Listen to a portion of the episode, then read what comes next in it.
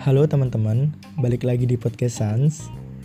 Setelah beberapa waktu kita tidak bertemu dengan episode baru di podcast Sans, akhirnya hari ini kita bisa ketemu lagi dengan episode yang cukup spesial karena mm, episode kali ini selain kita buat nambahin episode yang udah ada di podcast Sans, kali ini kita juga sebagai pemenuhan tugas dari competition from home yang diadain sama UGM.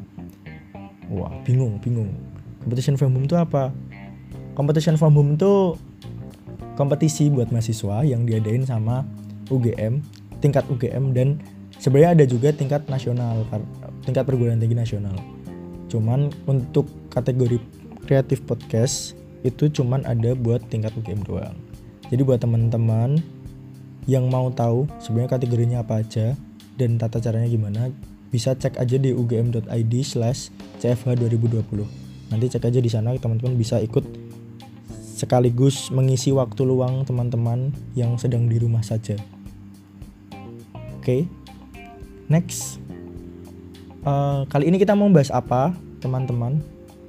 Kita kali ini mau bahas sesuatu yang sedang merebak di sekitar kita yang membuat hari ini kita di rumah saja yang membuat hari ini kita pusing karena kita bingung mau ngapain lagi sih di rumah saja. Aku udah A B C aku udah tidur aku udah bangun aku udah makan. Tidur lagi bangun makan tidur lagi repeat.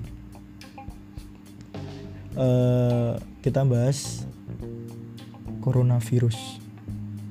Virus corona 2019 COVID-19 kenapa ini menarik? Karena ya tadi yang aku bilang ini menghambat apa yang sudah kita rencanakan mungkin di 2020 kali ini. Menghancurkan semua rencana-rencana kita termasuk aku juga yang berencana KKN akhirnya KKN-nya online. Tapi oke okay lah nggak apa-apa. Karena mesti untuk memutuskan kebijakan itu cukup rumit juga buat UGM kita mungkin bisa bahas dari awalnya gimana sih covid nih buat teman-teman yang mungkin ya mungkin nggak tahu gimana awalnya. Ya covid ini dimulai pertama kali ditemuin di dan merebak di Wuhan Cina. Waktu itu ada yang bilang dari berita tertentu men, uh, disinyalir bahwa awal dari adanya covid ini karena uh, konsumsi kelelawar yang mana kelelawar itu salah satu hewan yang menyimpan banyak virus. Akhirnya virus tersebut dikonsumsi oleh manusia akhirnya merebak yang kebanyakan korban-korbannya. Itu korban-korban yang sebenarnya sudah memiliki penyakit yang cukup uh, berat selain corona. Jadi akhirnya kemudian jadi korban meninggal dengan gejala demam dan yang paling utama ya demam dan sesak nafas.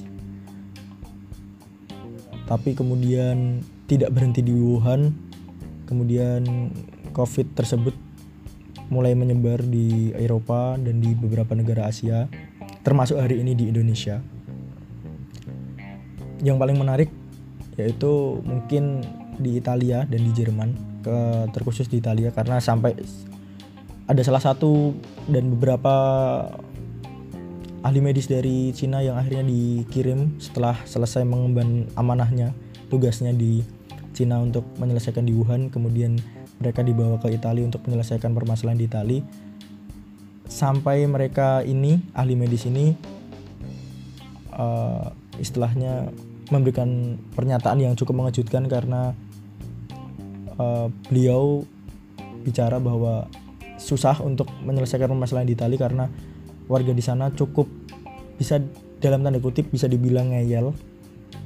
Dan itu sebenarnya apa yang menjadi ketakutan warga-warga di sini juga di Indonesia yang awalnya sebenarnya.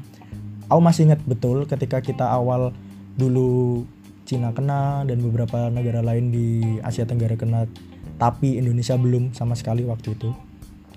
Kita menganggap itu sebagai jokes kita menganggap itu sebagai lelucon kemudian kita masih berani bilang kalau oh orang Indonesia kebal karena kita keroan karena kita pakai A B E itu ternyata hari ini kita juga chaos akibat corona tersebut.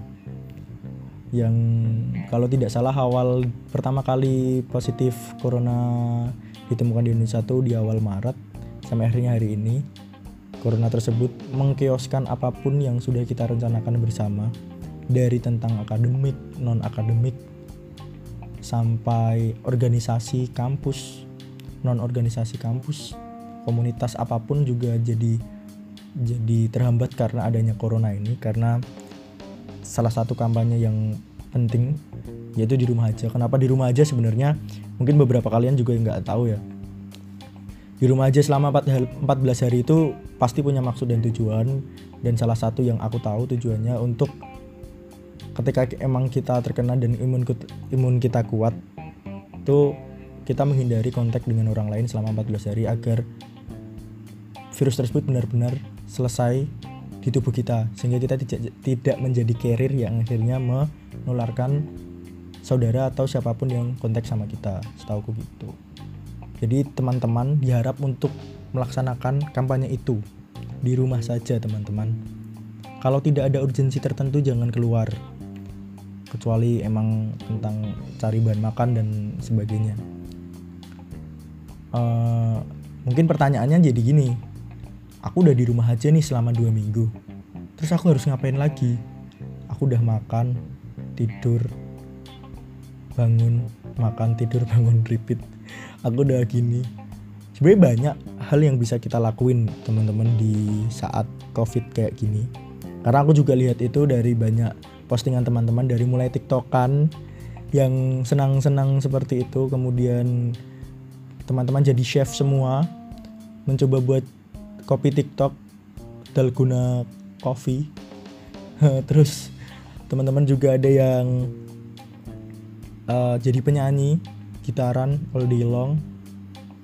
Terus banyak kan banyak banyak. Workout ada juga yang challenge workout.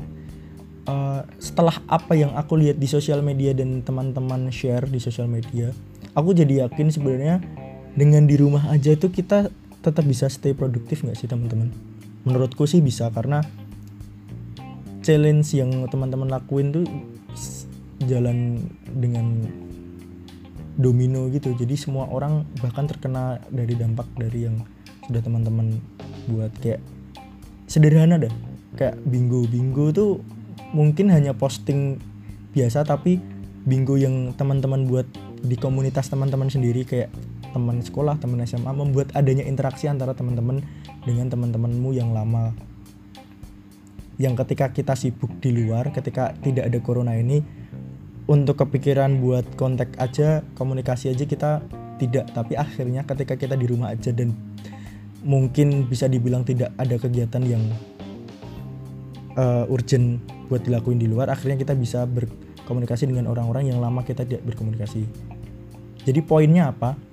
banyak hal yang bisa kita lakuin di rumah aja tapi yang paling penting adanya pergeseran antara social distancing dengan physical distancing yang awalnya kampanye social distancing karena ditakutkan pemaknaan dari social distancing itu kita menghindari interaksi sosial kemudian akhirnya diganti dengan physical distancing jadi sebenarnya dengan di rumah aja tuh bukan berarti kita untuk menghindari interaksi sosial dan kemudian tidak ada interaksi sosial tapi kita menghindari terjadinya kontak dari satu dengan orang lain. Jadi sebisa mungkin di sini dipahami bahwa sebenarnya yang kita hindari itu kontak yang kemudian menyebabkan droplet dari pe, uh, yang memiliki penyakit corona ini ke orang yang tidak sakit. Jadi apa pun itu uh, yang mau aku sampaikan di sini di rumah aja dan dengan kondisi physical distancing kayak gini kita masih bisa tetap produktif teman-teman dan yang paling penting di kondisi seperti ini kita harus saling menguatkan satu sama lain kita harus saling membantu sama satu sama lain karena ya karena kita Indonesia karena kita Indonesia itu kuat dengan gotong royongnya ini waktu yang tepat untuk menunjukkan ke dunia bahwa kita bisa melewati ini semua dengan bersama-sama.